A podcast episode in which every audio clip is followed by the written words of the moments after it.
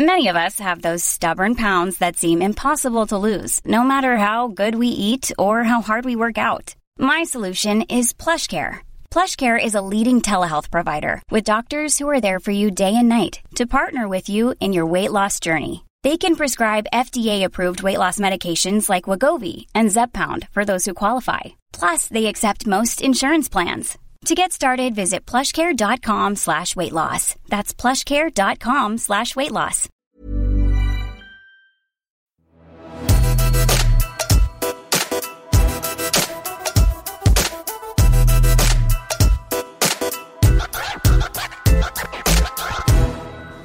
Egen digitaliseringsminister hadde lenge vært etterspurt, og derfor var gleden også stor da Høyres Nikolai Astrup ble Norges første digitaliseringsminister i 2019. Rollen ble så plassert videre til Linda Hofstad Helleland året etter, og da ble rollen fordelt mellom det å være distrikt- og digitaliseringsminister, og det ble ganske så latterliggjort. Etter kort tid som digitaliseringsminister har Stortinget vært angrepet to ganger, og Helleland har måttet både forklare og forsvare hvorfor hun tok i bruk f.eks. Clubhouse uten å forsikre seg om at både personvern og sikkerhet var ivaretatt, eller at Clubhouse holdt seg innenfor EUs GDPR-regler, oppbevaring og håndtering av data osv. I dag er fasiten at Norge har fått ny regjering. Cyberangrep mot norske virksomheter har nesten doblet seg i løpet av det siste året, mot 40% globalt, og vi står atter igjen uten en digitaliseringsminister. Og mens noen er like glad og mener digitaliseringsministeren kun hadde en symbolsk verdi, og at Norge tross alt ble hyperdigitalisert som følge av pandemien, så er det andre som mener det er trist, og at det vitner om lite forståelse for hva egentlig digitalisering handler om. Og jeg tilhører da den siste gruppen. Digitalisering er så fryktelig mye mer enn å sikre bredbånd til hele landet som vi er så glad i. Det er så uendelig mye mer enn å lage digitale skjemaer av papirbaserte. Det er dog ingen tvil om at Norge er blant de aller mest digitale landene i verden. Altså Vi har et fantastisk mobilt bredbånd som i tillegg er blant verdens raskeste, og nesten alle av oss har en smarttelefon, vi er heftige brukere av sosiale medier, og vi har fått på plass veldig mange gode offentlige tjenester. Og så har da pandemien da lært oss hvordan vi bruker webkameraer og videotjenester for å møtes virtuelt. Vi er digitale, men vi er ikke nødvendigvis veldig digitaliserte. Altså Nærmere 15% av oss er i tillegg analoge. Det digitale utenforskapet vokser. Og Det samme gjør også Norges digitaliseringsevne, skal vi tro bl.a. Ciscos Global Digital Readiness Index-rapport. For Der kommer det frem at Norge sakker akterut sammenlignet med våre nordiske naboer. Og da mest av alt fordi vår egen humankapital ikke er god nok. Vi er rike og digitale, men ikke digitaliserte og ikke nødvendigvis veldig kunnskapsrike. I tillegg så er vi også veldig godtroende og naive. Tilliten til myndigheter og finansinstitusjoner er høy, og det er ikke rart at stadig flere av oss blir utsatt for diverse cyberangrep. Samtidig stopper jo ikke behovet for en dedikert digitaliseringsminister her. Teknologi og digitalisering har i løpet av de siste årene blitt storpolitikk. Den digitale verdenskrigen herjer på mange måter allerede, uten at vi her i Norge ser ut til å bry oss altfor mye om det. Utenriksministeren er tøffere i munnen mot Russland når det viser seg at det er dem som har angrepet Stortinget, mens det logres ivrig med laksehallen hvis angrepene kommer fra Kina. Og selv om PST advarer f.eks. mot bruk av Huawei-teknologi i 5G-utbyggingen, våger ikke våre folkevalgte å kjøre forbudslinjen som bl.a. Sverige har lagt seg på. I tillegg ser vi også klare konturer av hvordan data som den nye oljen mest av alt gir olje til et USA hvor alt skal kommersialiseres, mens dataene i Kina mest av alt utnyttes til å undertrykke og kontrollere befolkningen i og utenfor Kina. En konsekvens av de enorme plattformgigantene som enten kommer fra USA eller Kina, er at vi gir fra oss enormt mye data. Data som blir foredlet gjennom avanserte algoritmer. Algoritmer som vi her i Norge må håpe på da, at EU vil regulere.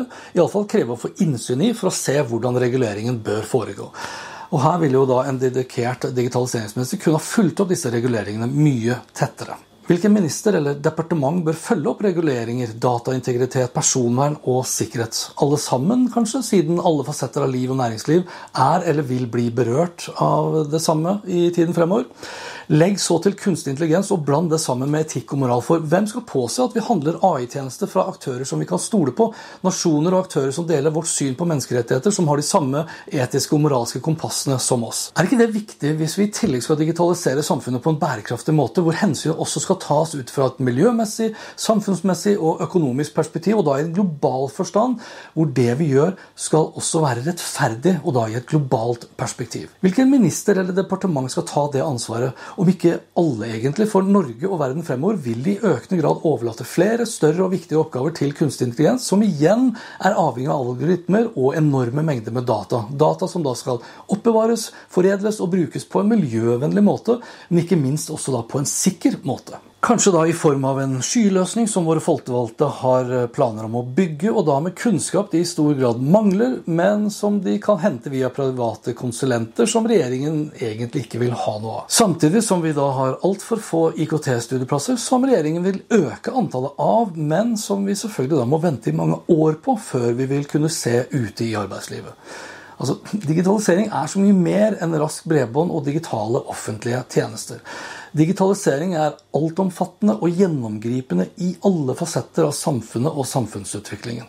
Digitalisering i dag gjennomsyrer hverdagen både horisontalt i alle bransjer og industrier, men også vertikalt fra infrastrukturen i bunn til selve brukeropplevelsen i toppen. Og selv om ikke en digitaliseringsminister vil være i stand til å håndtere alt alene, så kunne en dedikert digitaliseringsminister vært en fornuftig måte å utarbeide en strategi for hvilke digitaliseringstiltak Norge bør prioritere, og da både kort og langsiktig. Skal Norge lykkes fremover, dvs. Si fortsette å være et av verdens rikeste og beste land med de beste velferdsordninger, de sikreste arbeidsvilkår, solide forutsetninger for å kunne starte virksomheter, gode eksport- og importmuligheter osv., ja, så må digitaliseringen håndteres strategisk. Og det gjør man ikke ved å spre ut ansvaret på Gud og hvermannsen.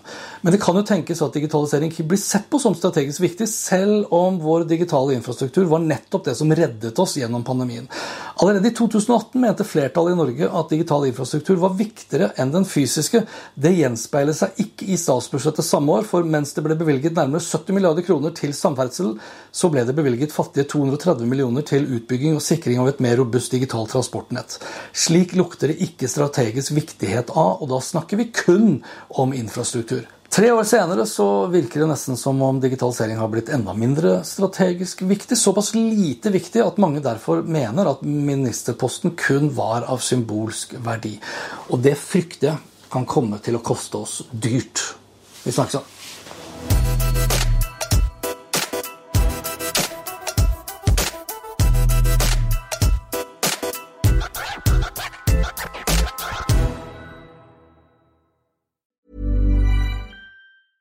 Mom deserves the best, and there's no better place to shop for Mother's Day than Whole Foods Market. They're your destination for unbeatable savings, from premium gifts to show-stopping flowers and irresistible desserts. Start by saving 33% with Prime on all body care and candles. Then get a 15-stem bunch of tulips for just $9.99 each with Prime. Round out Mom's menu with festive rosé, irresistible berry chantilly cake, and more special treats. Come celebrate Mother's Day at Whole Foods Market.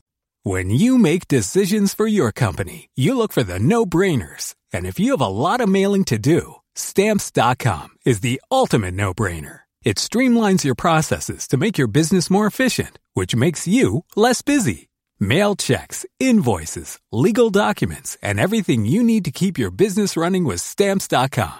Seamlessly connect with every major marketplace and shopping cart. Schedule package pickups and see your cheapest and fastest shipping options from different carriers. With rates up to 89% off USPS and UPS rates. And with the Stamps.com mobile app, you can take care of mailing and shipping wherever you are. Make the same no-brainer decision as over 1 million other businesses with Stamps.com. Sign up with Code PROGRAM for a four-week trial, plus free postage and a free digital scale. No long-term commitments or contracts. That's stamps.com.